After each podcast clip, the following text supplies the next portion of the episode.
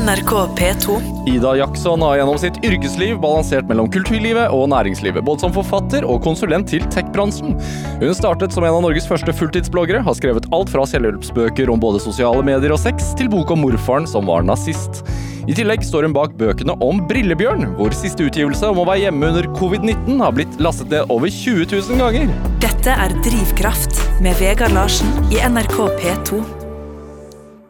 Hallo, Vegard. Hei, Ida. Hjertelig velkommen hit til Drivkraft. Tusen, tusen takk. Det var en lang intro. Det var så vidt jeg kom i mål. Det er eh, lang bio og mye vi ikke fikk med, men det går bra. Veldig mye vi ikke fikk med. Det er masse å prate om her. Eh, er det Jackson eller Jackson? Det er Jackson. Det er Jackson. Ja. Ikke noe familie... Nei. Det er jo et morsomt sted å starte. Jeg er jo i prosess med å skifte navn tilbake til mitt eh, fødenavn, Ida Sørland, som jo er For de lytterne som er fra Østfold, så er det litt mer Østfold-orientert. Men jeg giftet meg da jeg var 18 år, med Daniel Jackson. Og så var det så, og innen det ble slutt mellom Danny og meg, så hadde jeg allerede gitt ut tre bøker, og da var det veldig digg å beholde navnet, og veldig upraktisk å bytte. Men nå er jeg på en sånn eh, ja, grubler på om jeg skal liksom være mer meg selv, eller om jeg skal fortsette å ha et etternavn som aldri lager krøll i passystemet og ikke ligner på noen andres. Er det Hvor mye identitet er det? Altså, Jeg tror det er mye merkevare mer enn det er identitet, skal jeg være helt ærlig. Fordi det er veldig mange som altså det er veldig mange som vet Eller ikke veldig mange, og veldig mange, det høres veldig selvopptatt ut, men det er jo flere som vet hvem Ida Jackson er, enn som Ida Sørland er. Men eh, det er, Så det er jo et identitetsskifte. Og så tror jeg nok at den delen av meg som var veldig klar for å ikke være Østfold-jenta Ida, syntes det var veldig deilig å ha et nytt navn som liksom kunne starte på scratch da jeg var 18. Ja. Så det er veldig sånn Ida flytter til byen og blir seg selv-navnet. Men etter at du har giftet deg også, så har du beholdt det gamle navnet. Ja, ja, jeg vil ikke hete Ida Grue, kjære vakre vene. Beklager, Jan. Men hvordan er det? Og Da blir man jo fru Grue. Men hvordan er det egentlig å bære navnet til liksom tidligere ektemann videre? Altså, Jeg tror det var kjipere for han enn for meg. Fordi etter at det ble slutt, så har jo folk bare tatt for gitt at vi er søsken. Eh, og det er ingen som har tenkt på den koblingen senere. Nei. Så folk pleier å si til Danny at «Øh, søsteren din gjør veldig mange morsomme ting, og så sier han åh, åh nei. Men eh, hvordan har du det? Altså, vi, bortsett fra navnet, har du det fint om dagen? Er det mye hjemmekontor? Det er veldig mye hjemmekontor, men nå har vi bank i bordet, fått oppstart i barnehagen vi òg, og vi er Det begynner å ligne på en hverdag, dette her. Jeg er fortsatt veldig sånn Var du en av de som ønsket at barnehagen skulle åpne med en gang? Altså, realiteten var at vi hadde eh, Vi var jo Vi skulle jo egentlig være i California en stund til, så vi måtte hastedra hjem når ting virkelig tjukna borte i Uniten. Og eh, da så det ut som en stund som vi ikke kom til å få barnehageplass. Fordi vi hadde jo permisjon fra barnehagen inntil en viss tid. Ah, ja.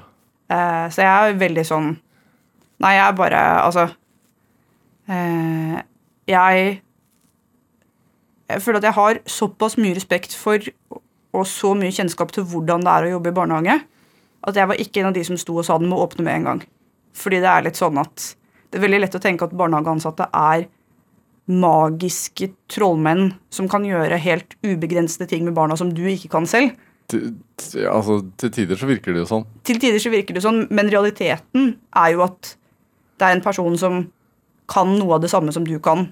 De har gjort det litt oftere, men de har bare tre ganger så mange barn å passe på som du har. Ja. Eh, så jeg har jo vært sånn Ja. Så Men nå virker det som de har fått løst tilbakekomsten veldig bra, da. Så jeg er veldig sånn Har veldig mye hjerte eh, for alle de barnehageansatte. Men jeg kunne ikke liksom mase på at de skulle gjøre det fortere. Tjener altfor dårlig, er mitt synspunkt etter at eh, jeg fikk barn selv og begynte å levere det i barnehagen. Men altså, Ida Jackson, du er Eller Jackson, altså Jackson, unnskyld. yes. Eh, Very American. Ja, ja, very American. Eh, det, altså, du er blogger, du er forfatter.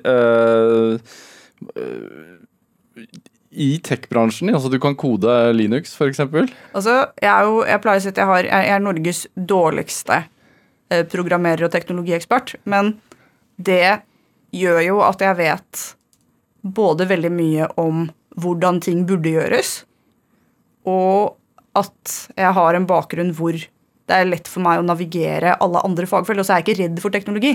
Altså, noe av det som var Jeg har jobbet i altså, Nå blir det veldig mye fagsjargong her, så jeg skal prøve å oversette full, fortløpende. Men det er jo sånn at eh, når du bruker en nettside, så er det egentlig veldig mange profesjoner som går inn i det å lage den, eller lage appen din, eh, eller eh, hvilket som helst annen ting du interagerer med på en skjerm. Og det er lett å tenke at de som har utformet logoen, har kompetanse om hvordan den appen kom seg til AppStore. ja. Men egentlig så er det jo snakk om kanskje ti forskjellige typer jobber som går inn i et sånt prosjekt. Mm. Og det som har vært min superkraft sånn, mitt sånn tiår i yrkeslivet, er at jeg eh, eh, Jeg har veldig god oversikt, og jeg kjenner liksom også veldig mye av hva den dyptekniske jobben består i. Så eh, vi er jo i en Det er veldig lett å se på teknologi og tenke at hva som helst kommer til å gå. Men realiteten er at noen ting er altså Hvis du skal bygge en bro, så er det veldig viktig at den ikke detter ned. eh, og hvis trikken skal kjøre i en bestemt gate i Oslo, så må veien tåle vekten av trikken, for trikken er veldig tung.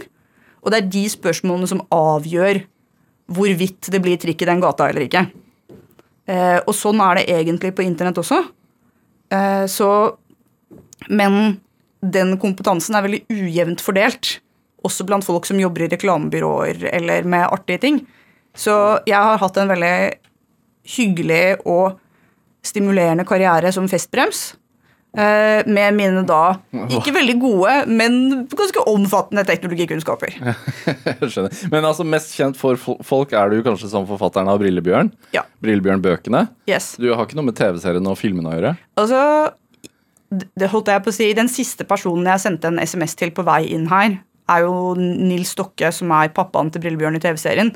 Så det, jeg kan ikke på en måte Jeg kan ikke si noe av det bra i TV-serien er av meg. Men eh, jeg har jo en tett samarbeidsrelasjon med Nils. Eh, og føler jo at liksom Brillebjørn er et, et univers hvor veldig mange morsomme mennesker jobber. Så Brillebjørn føles litt som Altså, det er mange av bøkene jeg har skrevet hvor jeg har sittet veldig mye alene på rommet og tenkt. Mens Brillebjørn er et utrolig morsomt fellesprosjekt med veldig veldig mange uttak. da. Ja. Men du fikk oppdraget av forlaget, eller du ble spurt? Jeg ble spurt av Gyllendal i 2016. Og, eh, og da var på en måte bestillingen at det kommer en ny barne-TV-serie for treåringer om Brillebjørn. Og så var da visjonen at disse bøk, disse, denne TV-serien skulle ha en annerledes bokserie til. Ja. For hvis du har lest noen av Peppa Gris-bøkene, så er jo det litt sånn egentlig en recap da, av hva som skjer i TV-serieepisoden. Ja, veldig likt. Satt til stiv papp. Mens bestillingen jeg fikk, var hovedpersonen skal hete Brillebjørn. Målgruppen skal være eh, barn på, tre- hovedmålgruppe barn på tre år. Resten er opp til deg. Ja, Fordi i, i TV-serien, som jeg Du kan utenat. Ja, fordi jeg har et barn på to år, eh, og som er veldig glad i Brillebjørn. eh, Så der er jo Brillebjørn ganske voksen. Ja. Eh, Veslevoksen, i hvert fall. Mens, mens i bøkene dine så er han et barn. Ja. Da går han i barnehage og har to mødre. Hva er det som Altså, hvordan Det lurer jeg på, fordi det er bøker som har solgt godt dette her, og det er jo en sterk merkevare på, fordi at det er både på TV og kino, men hvordan knekker man barnekoden? fordi du var jo ikke Altså, det er jo Jeg tenker at det er vanskeligere enn man tror. Det er kjempevanskelig. Og så er det sånn at det som er viktig å si, er at før Brillebjørn kom, så hadde jeg skrevet Jeg hadde skrevet fem lettlestbøker om Lena. Mm. Eh, som jeg anbefaler veldig til alle som liker å le. Eh, jeg ler veldig mye av Lena. Og jeg hadde skrevet en eh, roman for ungdom som heter Daniel. Og en del av meg tenk, hadde en veldig sterk idé som barnebokforfatter. og var litt sånn, ja, dette skal jeg få til. Men realiteten, som jeg skjønte ganske fort, er at når jeg skriver om en syvåring, så kan jeg huske hvordan det var å være syv år.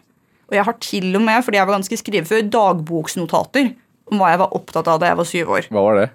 Nei, altså Det står jo da eksempel sånn yndlingssang Tordenskjold og kompani. ikke sant? Veldig opptatt av Tordenskjold. eh, som på en måte ikke er liksom Ja.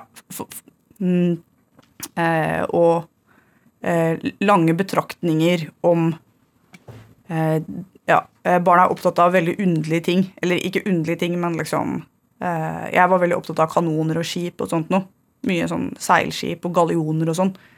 Men eh, i eh, Når jeg skulle skrive for treåringer, så kan ingen av oss egentlig fremkalle Minnene? Nei. Nei. Du kan liksom huske sånn vagt, på en måte sånn eh, litt, litt sånn blurry bilder av en eller annen hund, kanskje en stol, Og så har man gjerne sett noen fotografier. Og så, og så tror du du har husket det, Ja.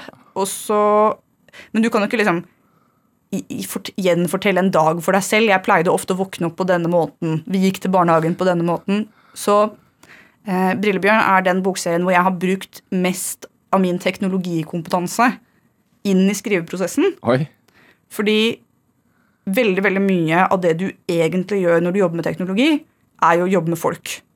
Altså Kode er veldig lett. Folk er veldig vanskelig. Eh, Fordi, ja, men, men det er et eller annet med- det som bare, hvis du, nå, sitter du på en programvare som nettopp er oppdatert. Ikke sant? Og de som har laget den programvaren, de har en slags idé om hva de skal fikse og hva de skal reparere. Men hva som skjer med deg i skjæringspunktet, din hjerne og din forståelse og de feilene som oppstår, det er veldig plutselig og interessant. Og krever ganske mye sånn mellommenneskelig innsikt for å skjønne hva gikk galt eh, i den interaksjonen. Så eh, Nå er jeg veldig spent på linken til, Ja, barne, fordi- til Brillebjørn. det jeg måtte gjøre, fordi når jeg fikk oppdraget, så hadde jeg en baby på fire måneder.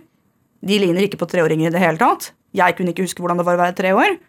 Og det var ganske lenge siden jeg hadde lest andre bøker for treåringer. Så forlaget sendte meg en stabel med liksom her er bøker som finnes i samme kategori omtrent. Eh, og så dro jeg ut på lekeplassen og til venner av meg som hadde barn i samme alder, og spionerte og intervjuet og testleste og prøvde å knytte meg så mange kontakter med barn i riktig alder som jeg overhodet kunne. Og så skrev jeg veldig mange altså egentlig prototypet manus, da, ikke sant? Og sier ok, her er en idé jeg har. Kan jeg få prøve å lese det høyt for barna dine og se om det slår an? Hvor er det de ler? Hva er det de er opptatt av? Hva slags ideer forkastet du? Vel, i den første utgave, altså, For dere som har sett TV-serien om Brillebjørn, så har jo Brillebjørn magiske evner. Han Ikke kan, kan klappe i hendene, og så skjer det magiske ting. Ja, fantasimagi. Ja. Eh, jeg prøver nå å danse på radio, det funker ikke så veldig bra. Men eh, så i min Og så er det jo sånn at brillebjørner er jo eh, en faktisk type bjørn som bor i Ikke i regnskogen, men i regn, den skogen som ligger nærme regnskogen i Sør-Amerika, som heter Tåkeskogen. Og jeg bare, åh, Den magiske bjørnen i Tåkeskogen. Dette høres jo kjempegøy ut. Eh, Men i researchen min så fant jeg ut at det er nok fem- til syvåringer som er opptatt av magi. To- til treåringer er veldig opptatt av liksom, kork, blyant, melkeglass. Eh, de nære ting.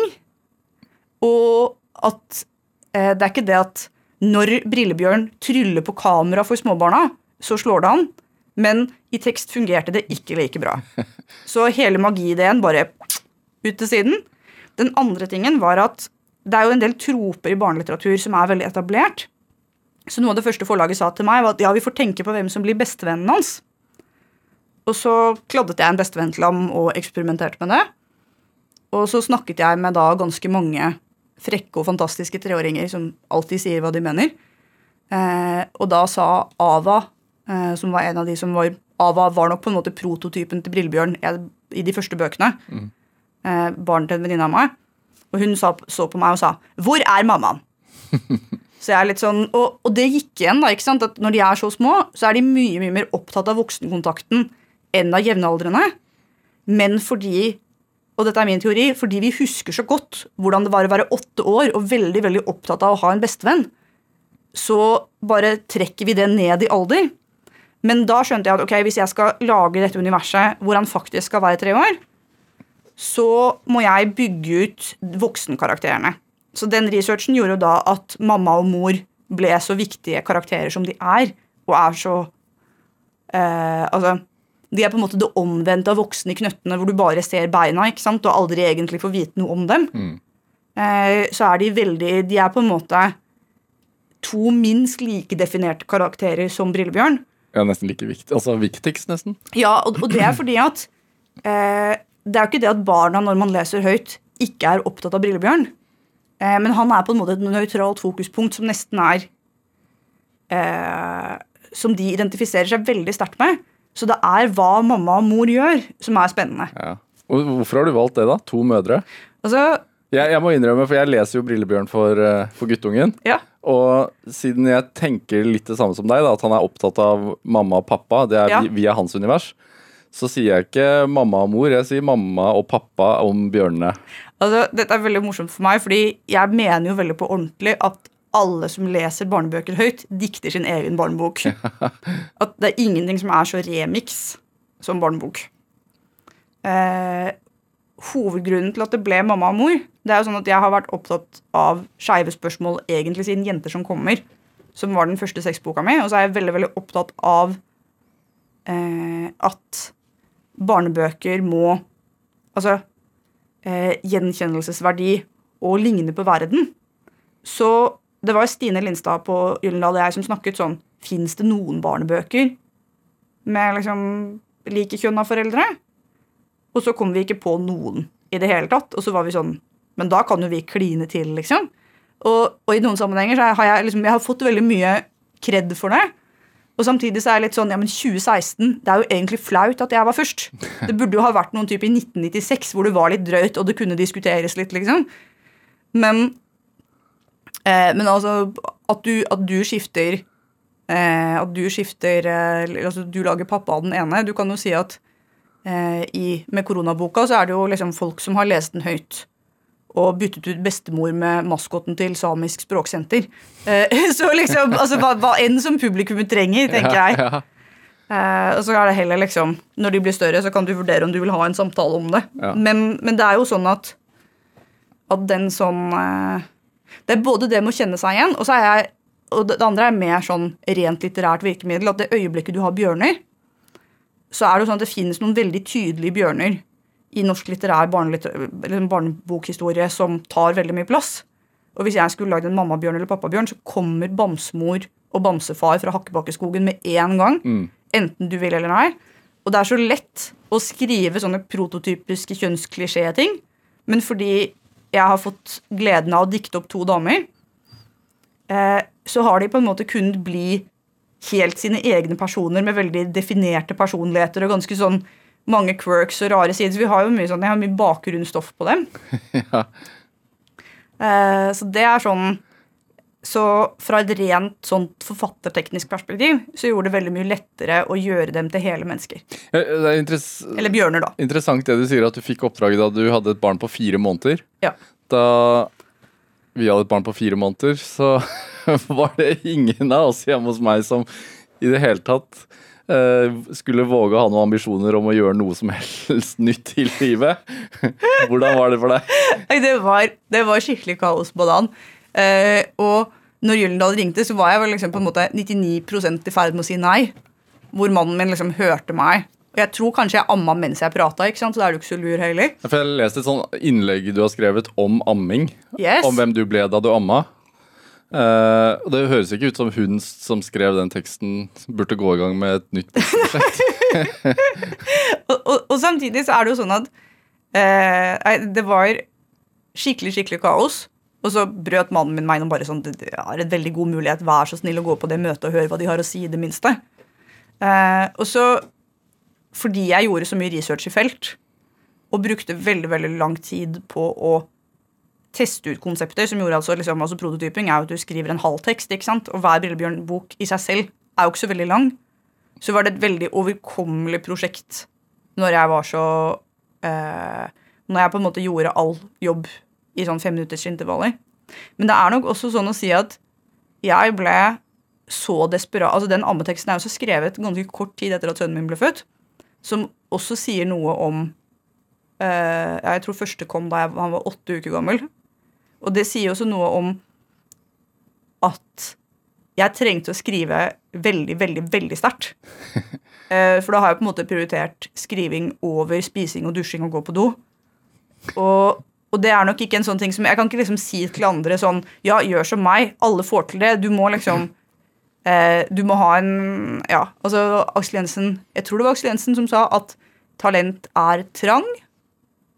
Eh, så en god del trang, da, må du ha. Ja, for du, I den teksten så beskriver du vel ungen din som en, en valp som eh, er ekstremt opptatt av å drikke Melk. melk, eller drikke seg full på melk. Virkelig sånn, altså, altså de, de blir jo så altså, Det er den tingen som provoserte meg mest med sånn, sånn brosjyre vi fikk om amming når han var nyfødt, hvor det står 'Morsmelk er den optimale ernæringen for ditt barn'. Og så er jeg sånn, ok, men du kunne på en måte skrevet liksom at morsmelk er spedbarnets alkohol, hvor det liksom Altså, du, du fører jo opp unger helt fint på tillegg. Det er jo helt tydelig at det er liksom helt fin næring. Men det er vanskelig å på en måte roe noen som er utrolig illsint, slik at de blir litt sånn dorske og rare og cross-eyed. På tillegg, liksom. At det er, altså Morsmelkens virkelige superkraft er jo det at både mor og barn blir ganske sånn høye og rusa av overføringen. Eh, men det liksom Men, men det sånn ja, det sånn opiataspektet ved morsmelk er det lite snakk om, føler jeg. Og I dag har vi Ida Jackson her hos meg i Drivkraft på NRK P2. Eh, pratet om Brillebjørn og hvordan det ble til. Men altså, Ida, du er fra Fredrikstad. Det stemmer. Eh, hvordan er det å vokse opp i Fredrikstad? Plankebyen? Ja, altså jeg er jo egentlig eh, så er jeg fra Torsnes. Eh, og det er jo ikke så veldig mange som vet hvor Torsnes er, men når man treffer andre østfoldinger, så hender det jo Jeg husker jeg satt på et ganske sånn fint møte fra U, på UiO, hvor det var en av professorene som da sier til meg å ja, er ikke du også fra Østfold? Jeg er fra Sarpsborg. Så sier jeg ja, jeg er fra Fredrikstad. Bare, Hvor i Fredrikstad? Nei, sier jeg er fra Torsnes. Hæ, er du sånn tassetøs? og jeg var sånn ja, jeg er sånn tassetøs. Det er det jeg er.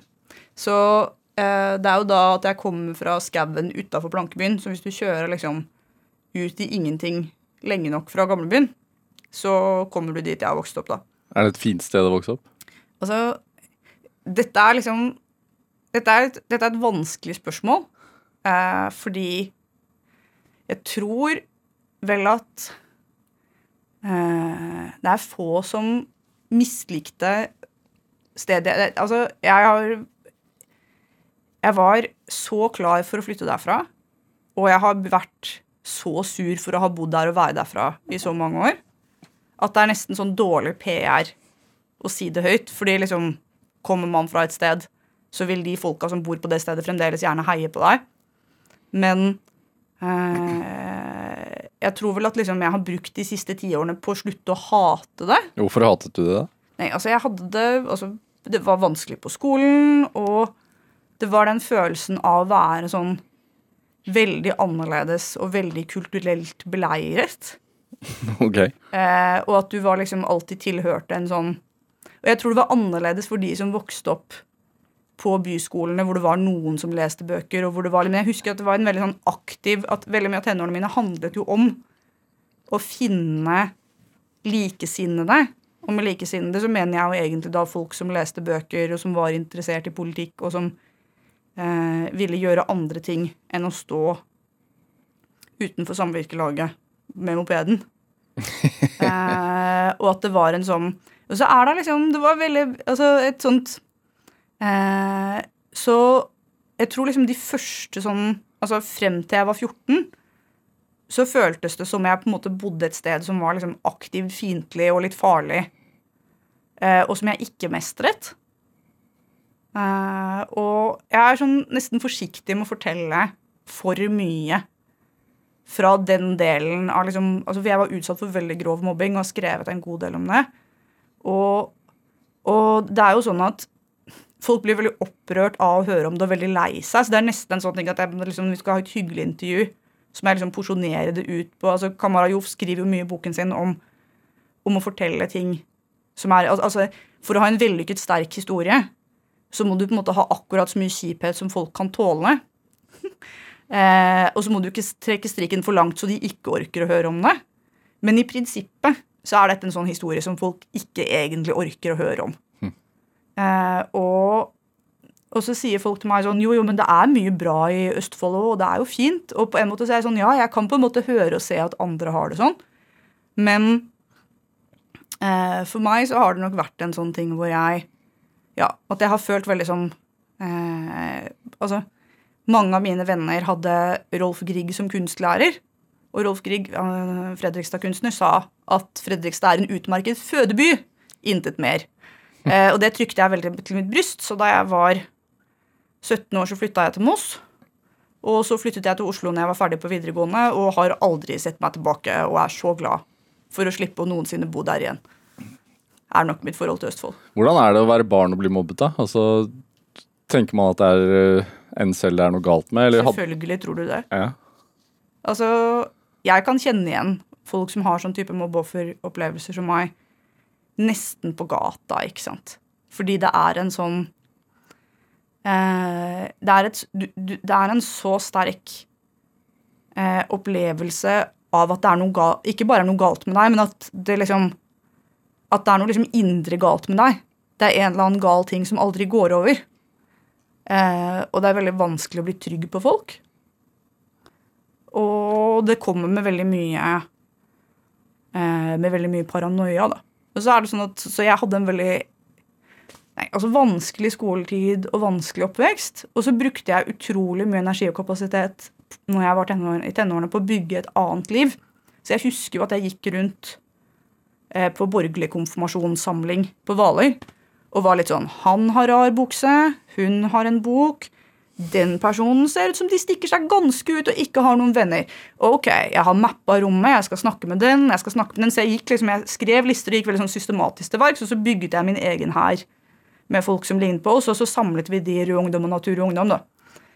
Eh, som er jo mye det som ungdomsromanen min Danielle handler om. Med den sånn samle misfitene, lage en gjeng. Eh, så jeg har jo snakket med folk som var yngre enn meg, som sier jeg skjønner ikke når du beskriver hvor fælt du hadde det, for jeg husker bare at du sto sammen med en gjeng med svartkledde folk og var kjempeskummel. Og så sier jeg sånn, ja, det var liksom da jeg hadde på en måte bygd muren min og var på høyden. For jeg husker veldig godt å kjøre bussen til Sarpsborg med gutter som satt og klinte ting i håret mitt, og hele bussen er full av stygge sanger om meg. Og de er liksom klar for å dynke meg det øyeblikket vi kommer ut av bussen. Men det de ikke vet, er at det som møter oss på busstasjonen, er liksom fire gutter på 22 som er dobbelt så store som dem i enorme lærjakker, som er der for å ta imot meg. Og da var jeg litt sånn Synd for dere, som er 13 år. eh, liksom, dere kommer hit, men ikke lenger, på en måte. Så det er jo den sånn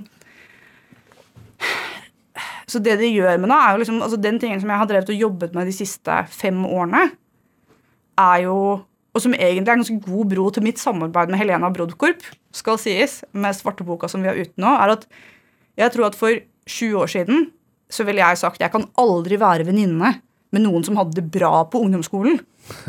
Eh, fordi de bare skjønner meg ikke, og de er dårlige mennesker, og det er sånne folk som man bare ikke kan forholde seg til. Fordi en del av det å være traumatisert er at du trenger veldig å ha et bakrom med folk som har opplevd akkurat det samme som deg. Og det er helt nødvendig sånn at altså Wessel, som er en av de sånne store traumespesialistene, har skrevet bl.a. The Body Keeps the Score, sier at da han jobbet med militærveteraner, eh, så når de begynte å like ham godt i gruppeterapi, så kjøpte de en uniform til han, så han kunne være en del av klubben.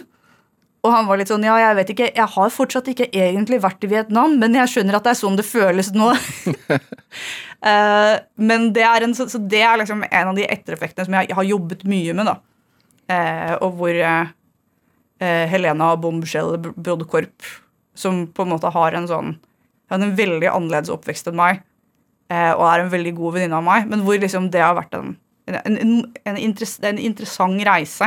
Og som folk snakker ganske lite om. Hvor, hvor lenge sitter sånt i? Altså å, ha en kjip ungdom? Nei, altså, Jeg kjenner jo hjerteklappen når jeg snakker om det nå. Ja. Og, og det som er med Jeg tror det som er med traumer, er at de er jo egentlig liksom sånn synkehull i hjernen. ikke sant? Det, det er helt tidløst. Så det som er vanskelig med det, er at eh, kroppen skjønner jo ikke at det ikke er 1996 når jeg henter minnet frem. Uh, og det er en sånn uh, og, og det er jo på en måte det som sånn, Jeg tror liksom sånn ren psykologteknisk gjør det til et traume.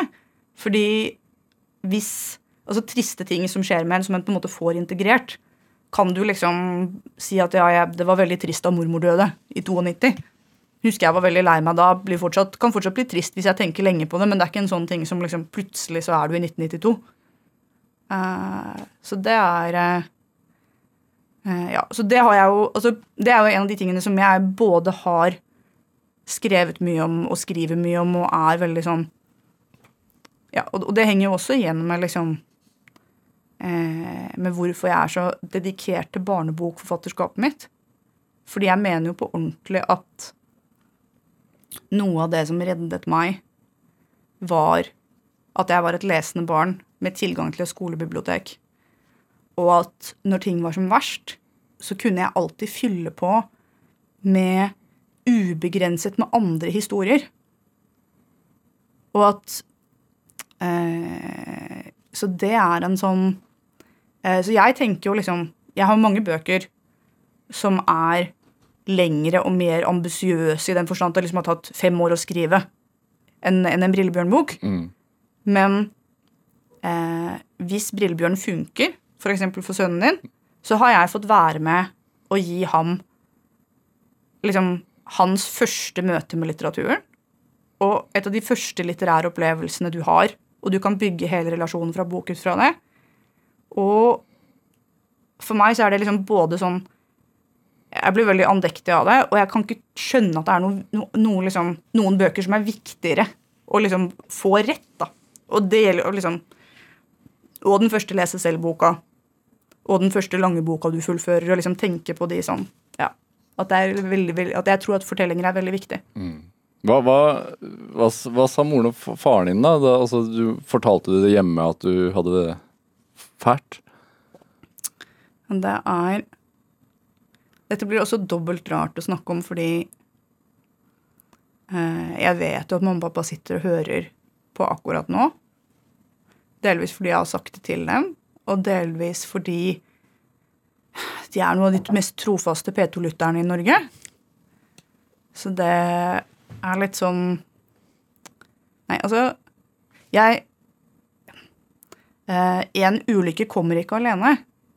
Jeg er veldig glad i foreldrene mine, og jeg har fått veldig veldig mange ting fra dem som nesten ingen andre har fått fra sine foreldre. Men jeg hadde ikke en lett oppvekst, og dette var ikke en ting vi håndterte bra. Eller visste hva vi skulle gjøre med, og selvfølgelig visste de det. Og samtidig så er det nok sånn at en del av det som er med min familie, er at følelsen av å være annerledes sitter så sterkt i veggen. At jeg tror nok at en del av deres identitet var at selvfølgelig er vi annerledes og mislikt. Eh, Vi er jo veldig rare, og hvorfor i all verden skulle du ha noe til felles? Hvordan rare? Nei, altså, vi er eh, Altså, jeg har vokst opp godt ute i skogen, og eh, foreldrene mine er ekstremt litterære og kunstneriske og politiske og veldig, veldig isolerte og tilbaketrukne. Og det er rart å sitte og snakke om det når eh, Når jeg er i, i Oslo-modus. Fordi Oslo og indre Altså, det man ikke skjønner hvis man er født og oppvokst i liksom, indre middelklasse Oslo, og i begrenset grad kjenner resten av landet, er hvor homogen og hvor smal liksom, skravleklassen er, da. Ikke sant? Så eh, og, og hvor liten boble vi på en måte lever i når vi er liksom sånn Så jeg har jo vokst opp med Altså, jeg gikk ikke i barnehage. Jeg hadde ikke TV i veldig mange år. Og når vi først hadde TV, så så vi utrolig lite TV.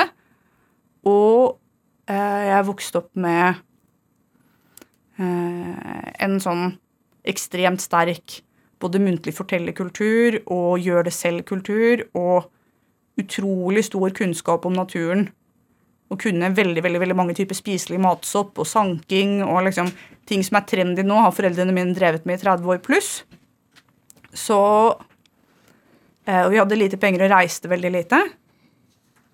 Eh, og så tror jeg nok at vi var eh, At ja, og, en del av de spørsmålene på en måte nøyaktig hva var vanskelig, er liksom ikke egentlig mulig å si uten å liksom å bli for privat. Men det var en liksom sånn Det var en del ting som var vanskelig hjemme, og det var en del ting som var vanskelig ute. Eh, og jeg tror nok jeg på en måte vokste opp i en fortelling hvor eh, verden var et veldig utrygt og liksom et, et sted hvor jeg mest sannsynligvis ikke ville få til noen ting. Og så er jo noe av det da som skjedde når jeg grodde til og liksom fant meg disse gjengene mine med folk og hentet misfittene mine og lagde politisk organisasjon og bestemte meg for å flytte til byen, at jeg var litt sånn Ja, jeg skjønner at ingen av de tingene jeg kommer til å ha lyst til, mest sannsynlig går bra, og at alle kommer til å hate meg, men jeg hater jo også å bo i Fredrikstad. Og liksom Jeg kan jo ikke la være å prøve på noen ting. Og så føltes det litt sånn fra jeg var 19 til 23, så føltes det litt som jeg bare sparket gjennom en vegg av papir. At alle de tingene jeg hadde hørt skulle være veldig vanskelig og umulig å oppnå, egentlig var veldig tilgjengelige. Og at eh, Ja. Eh, så eh, vi fikk jo bokkontrakt på Skrive jenter som kommer da jeg var 21. Som handlet om seksualitet for damer, rett og slett? Ja, Det var på en måte Norges første penisfrie pulebok, da pleide vi å kalle den. eh, men det var jo litt fordi Og det var bare en idé som jeg hadde sammen med Maren som jeg gikk på videregående med, fordi Maren hadde fått seg dame. Eh, og så var hun sånn Ok, jeg vet ikke egentlig hva jeg skal gjøre. Det er best jeg går på biblioteket og kjøper, skaffer meg en bok, liksom. Og så klarte ikke biblioteket å levere på det. Og så var det sånn, i all verden fins ikke denne boka. Fordi eh, det fantes mange liksom på en måte sånn eh, type eh, hvordan ha et spennende sexliv-bøker, men de handlet veldig mye om samleie. Og så var vi litt sånn, ok, men alle som har en, liksom, en vagina, og som har finger og tunge, eller har sex med noen som har fingre og tunge, burde jo være interessert i en bok om dette her. Det er jo liksom ok at liksom skeive damer trenger det, men det er en ganske stor flora av folk som er eh, befingret eh, og interessert, interessert i sånt. Eh, så, eh, da, så, så da sa jeg til Maren at hvis den ikke fins, så kan jo vi lage den.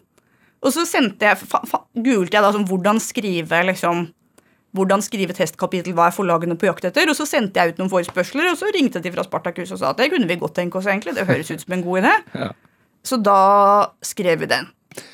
Du har jo eh, med bloggen din og med denne boka og med flere prosjekter altså Du viser deg jo eh, og du har skrevet bok om morfaren din også. Altså du, har, du våger å være personlig. Du har våget å by på deg selv. Er det, eh, tror du det Det at du faktisk hadde det ganske røft i tenårene og følte deg kanskje mye aleine da, tror du det har gjort deg så modig som du er?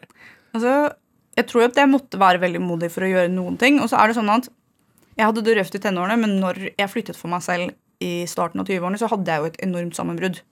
Og var på psykiatrisk inn og ut i flere år og i veldig tung behandling. Eh, så når jeg begynte å blogge, så blogget jeg jo fra et sted hvor eh, Altså når folk sier at de treffer bunnen, så antar jeg at de var der jeg var, liksom.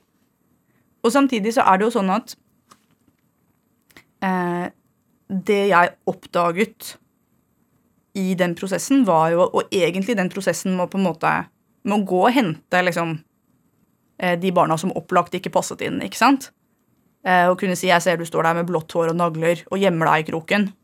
Eh, liksom, Vi to, vi har noe til felles. Jeg vet akkurat hvordan du har det. Og så hadde jeg rett, ikke sant? Og det, det var en sånn opplevelse at ok, de tingene som folk syns er skumlest og verst og hemmeligst, og som ingen må finne ut av, det er det vi alle har til felles. Og, og, og det føles litt som å ha på en måte en sånn blanding av liksom funnet gull og keiserens nye klær. Det er bare, ok, Men her er det jo kontakt. ikke sant? Eh, og så er det sånn at jeg er på godt og på vondt veldig, veldig opptatt av liksom sprengkraften i det hemmelige eller i det mørke eller det vi på en måte Det vi ikke vil vedkjenne oss. Så du kan si at på noen ting så er jeg modig, og på andre ting så bare er jeg veldig, veldig politisk overbevist om om at det mest private er det mest allmenne. eh, og da er det lettere å tørre. Og så er det jo da sånn at Hvordan skal jeg si det? Eh, eh, jeg har brukt meg selv ak veldig aktivt. Og det handler litt om at jeg kom fra bloggen. ikke sant? At det første jeg startet å skrive, var en blogg i 2006. Og bloggen er jo, som jeg liker å si, altså en sakprosa med lyrisk jeg. Det er en Du kan ikke skrive blogg uten å skrive førsteperson. Så den førstepersonstemmen var den første jeg etablerte. Det var ikke så mange som drev med det da, på den måten. Nei, det var liksom meg og Kristin Storusten og Heidi Nordby Lunde. Og, altså, vi, var jo på en måte, vi er jo så få at, at vi kjenner hverandre igjen på gata fremdeles. ikke sant? At det er vi som var sånn oldies internett. Eh, den hemmelige klubb, som jeg er veldig glad for å ha vært en del av.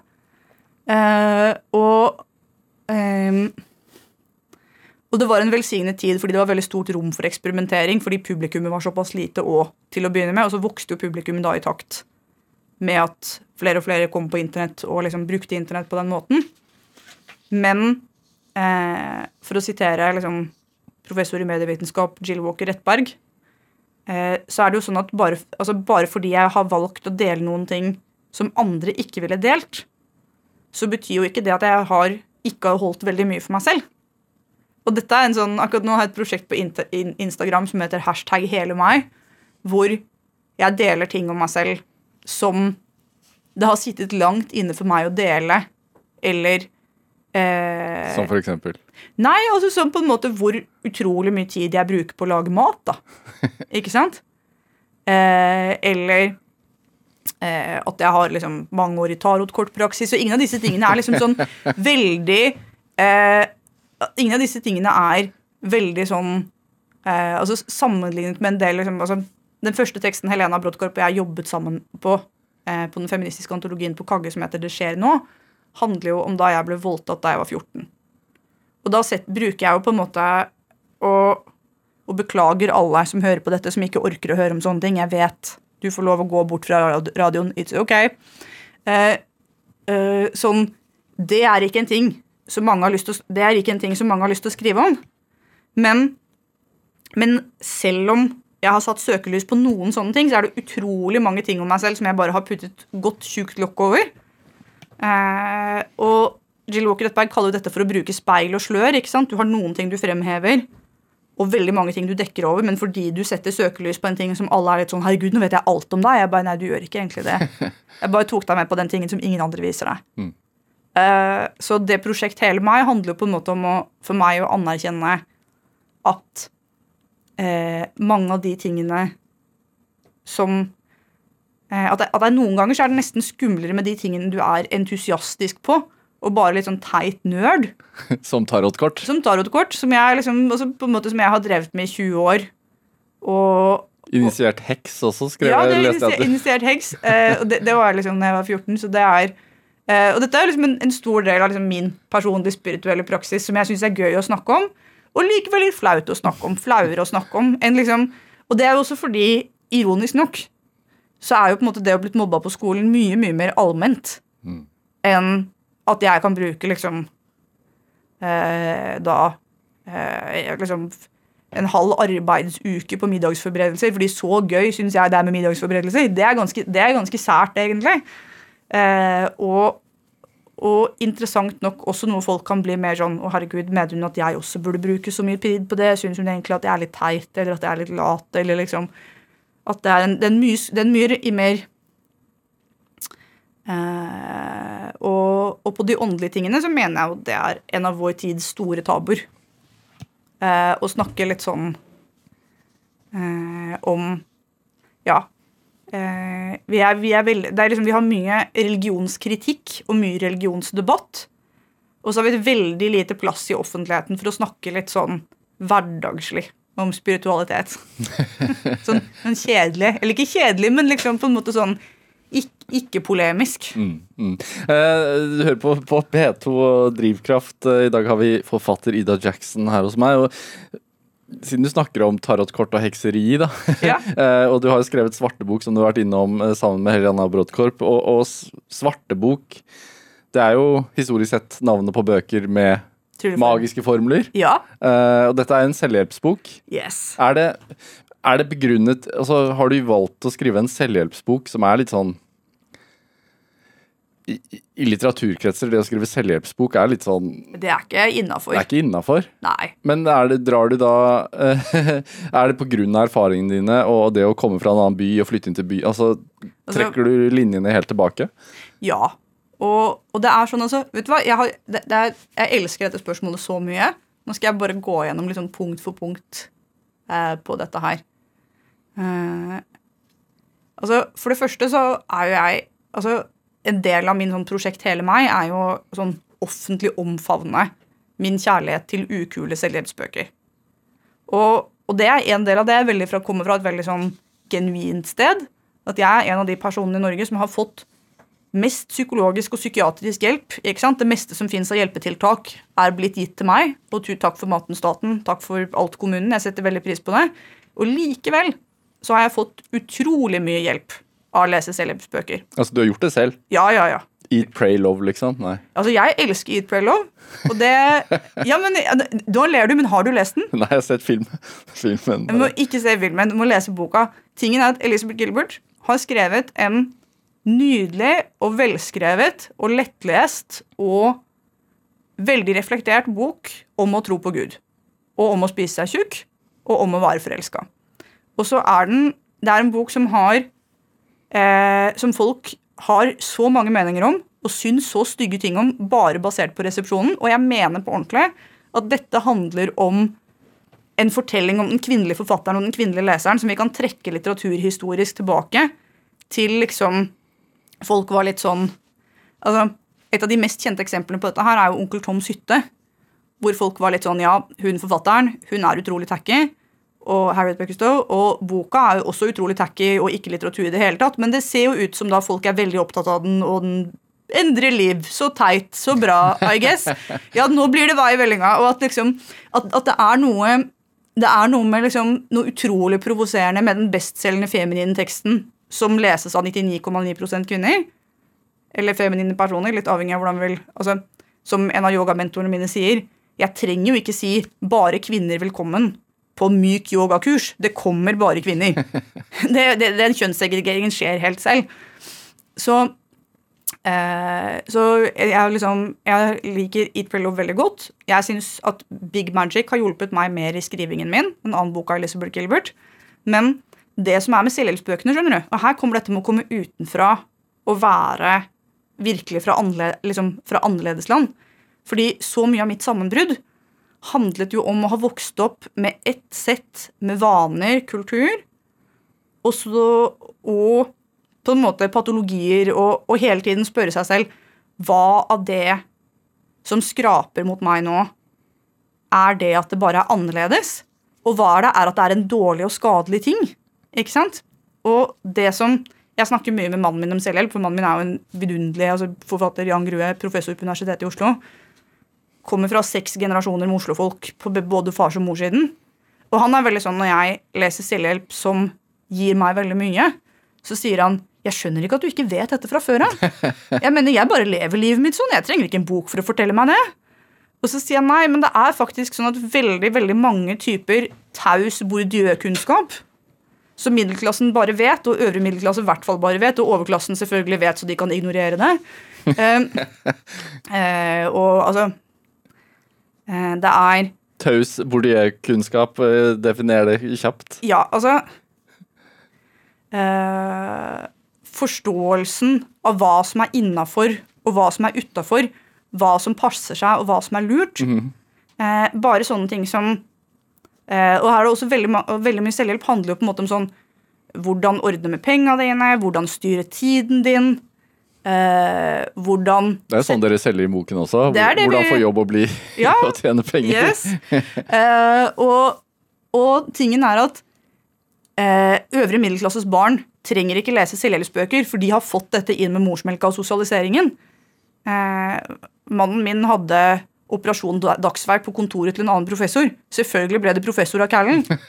Eh, mens det er utrolig mange sånne ting. Når, jeg kjøpte meg inn i leiligheten til mannen, og vi skulle ta det første boliglånet vårt, så sa moren min til meg sånn Ja, hvordan, hvordan gjør du da? Så sier jeg nei, jeg kommer til å ta et lån, da. Så sier hun ja, oi, det har jeg aldri gjort. Jeg lurer på hvordan du gjør det. Så sier jeg nei, jeg, jeg kommer til å finne ut av det, for jeg er ganske lur. Jeg kan spørre noen, liksom. Men det kunne ikke hun lære meg. Mens når det er koronakrise, og folk er litt sånn ja, det er nok lurt å ikke gå så mye på butikken, så er foreldrene mine sånn ja, men det, altså, vi tapper bjørkesevra når den går, og vi har masse forvelask hvalekål. Du har lært deg litt andre ting. Altså, jeg kan når zombiekrigen kommer. Ja. Da må dere lese den selvhjelpsboka mi om å finne mat i skogen. For det er jeg skikkelig flink til. Men, eh, men dette er min sånn Dette er min sånn hvorfor Altså derfor selvhjelp. Og Samtidig så er det sånn at nesten all selvhjelpen som kommer hit, kommer fra USA.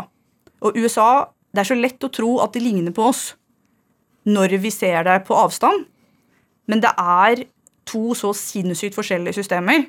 Så min idé eh, til denne boka sammen med Helena var liksom Kjære Helena min blomst. Du som har så god smak og er så vidunderlig. Har ikke du lyst til å lage noe litt sånn tacky og cheesy sammen med meg? Eh, hvor vi tar det til sosialdemokratiske forhold, og vi sier snakk med din lokale tillitsvalgte. Husk at dette er gode råd for hvordan du forholder deg til Nav, og sånne ting som du aldri vil få i en amerikansk bok. Eh, samtidig som da Grunnen til at jeg har kalt det en svartebok, er at hvis du går altså Senter for kulturstudier har masse digitaliserte svartebøker fra 1300-tallet og oppover i sin base. Hvis du går og leser i dem, så handler de Veldig mye av magien fra gamle dager handler jo om kjedelige ting i hverdagslivet. ikke sant? Du har syke griser. Eh, du har dårlig vær, du har dårlig fiske. Du trenger mer penger. Hva skal du gjøre? Her er noen quick fixes og litt skitne triks. liksom på en måte Grave ned en mynt på en torsdag. Ja, Det er ikke sånne tips da, i, i svarteboka. Altså, det, det er jo ikke magiske tips, men det er på en måte Altså, veldig mye av den sosialdemokratiske statstingen handler jo om at det fins veldig mange offisielle råd. Så det finnes jo, Du kan jo gå på nav.no og på helsenorge.no og på Altinn og lese en god del om hvordan Norge fungerer. Men det Helena og jeg da har prøvd å gjøre, er å skrive litt sånn eh, drøye, ekte Dette mener vi, men dette kan aldri Nav si til deg. Og det kan aldri Altinn si til deg. Og, liksom, og det er litt det som Altså eh, Som på en måte var svartebokas rolle i gamle dager òg. Når du har prøvd alt, og du har hørt på kjerka, du har hørt på lensmannen, og du har hørt på og du har liksom eh, Og du har sjekket alle andre autoriteter. Men nå trenger jeg et eller annet for det veldig konkrete problemet mitt. Så det er litt sånn Hva er det beste rådet der, da? ah, Det er Det kommer jo litt an på hva problemet ditt er, men altså grovt sett så vil jeg si at, at liksom, hovedrådet i boka, og det vi gir deg mange verktøy for, er å finne ut om det problemet du har, er strukturelt, eller om det er personlig. Fordi realiteten er at arbeidslivet er fullt av mange politiske strukturer som du ikke kan vinne over alene. Eh, og så er det mange problemer som kanskje egentlig bare handler om deg. Og det å finne ut liksom, er det det ene eller er det det andre, er steg én for å få gjort noe med en ting. Og så, Nå var det på en måte oppslag i Aftenposten i dag på liksom, de sånn mest flashy rådene våre. Som liksom på en måte Min favoritt er da Helenas råd om at når de altså, Alle sier til alle kvinner de har ikke lov å spørre deg om du, er, om du har tenkt å få barn på jobbintervju. Men folk gjør det jo like, hele tiden likevel. Så hva gjør du da hvis det skjer med deg, og du faktisk vil ha denne jobben? Ja. Eh, og da mener jo vi veldig sterkt at det dummeste du kan gjøre, er å ta den sånn Det er ikke lov å spørre om. Eh, du bryter arbeidsmiljøloven. Da må du heller bare si nei, nei, nei, jeg har ikke tenkt å lage noen barn. Og så når du er beskyttet av arbeidsmiljøloven, så må du bare lage alle babyene du vil. Fordi liksom Da har de ingenting de skal ha sagt. Men er det skummelt å være de som gir råd? Dere, hvordan, altså, det, det er jo bare deres erfaring som, som gir det. Altså, det er eh, Jeg har jo vært i rådgiverbransjen en stund. Eh, både den veldig godt betalte, som er konsulentbransjen, og liksom altså jenter som kommer. Så, altså, jenter som kommer er jo fortsatt den boka jeg har skrevet som har endret flest liv. Liksom, stadig vekk kommer det folk bort til meg og sier 'jeg fikk min første orgasme pga. jenter som kommer'. Jeg bare 'thank you'. Det har ingen av de andre bøkene mine klart å utrette. Så det er nok kanskje den som er best, da, hvis du tenker på liksom effekt. Men eh, jeg tror jo at folk er lure og voksne, og at noe av det som er med arbeidslivet, eh, er at eh, Altså, folks privilegier er veldig ujevnt fordelt. Noen er av klassemessige grunner utstyrt med veldig gode bakrom med folk de kan spørre om råd og hjelp, og noen er ikke det. Så da har Helena og jeg sendt ut en flaskepost, og så satser jeg på at du oppfører deg så ansvarlig du kan. Er det en bok du selv skulle ønske at du hadde lest som, som 19-åring? Ja, 100, Ja, selvfølgelig. 100 Det er Du kan bare ikke si noe annet. altså det er nesten bare mine og Helenas tabber som har liksom laget omrisset til, til hva vi Dette er liksom på en måte feil vi har gjort selv. Ja. Um, Ida Jackson, en time går fort. Hva, hva, hva tenker du er drivkraften din? Ah. Et stort spørsmål. Det er et kjempestort spørsmål. Uh, nei, altså uh, Jeg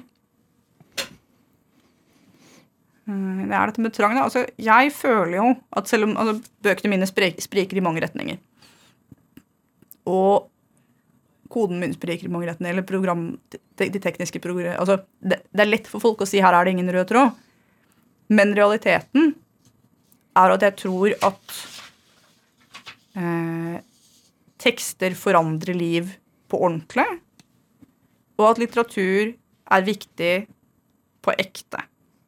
Og nå lever vi i en tid hvor eh, de teknologiske dingsene stjeler mer og mer fokus, og blir både artigere og artigere og slitsommere og slitsommere. Og jeg tror de fleste post korona kan kjenne på en sånn Zoom Teams-fatigue. og en sånn eh, At du blir litt sånn skjermnummen av for mye Netflix. Og eh, jeg mener veldig, veldig sterkt at det å At gjennom språket så kan vi både beskrive verden og forandre verden. Og at ved å forandre fortellingene så forandrer vi både vår egen selvforståelse eh, og har muligheten til å forandre verden på en annen måte. Så min drivkraft handler eh, eh, handler om at jeg tror Kjære, vakre venner. Altså, jeg skriver fordi det er den beste formen for telep telepati vi har, og fordi jeg tror at når historien blir annerledes, så blir også folk annerledes og kan leve veldig mye bedre liv.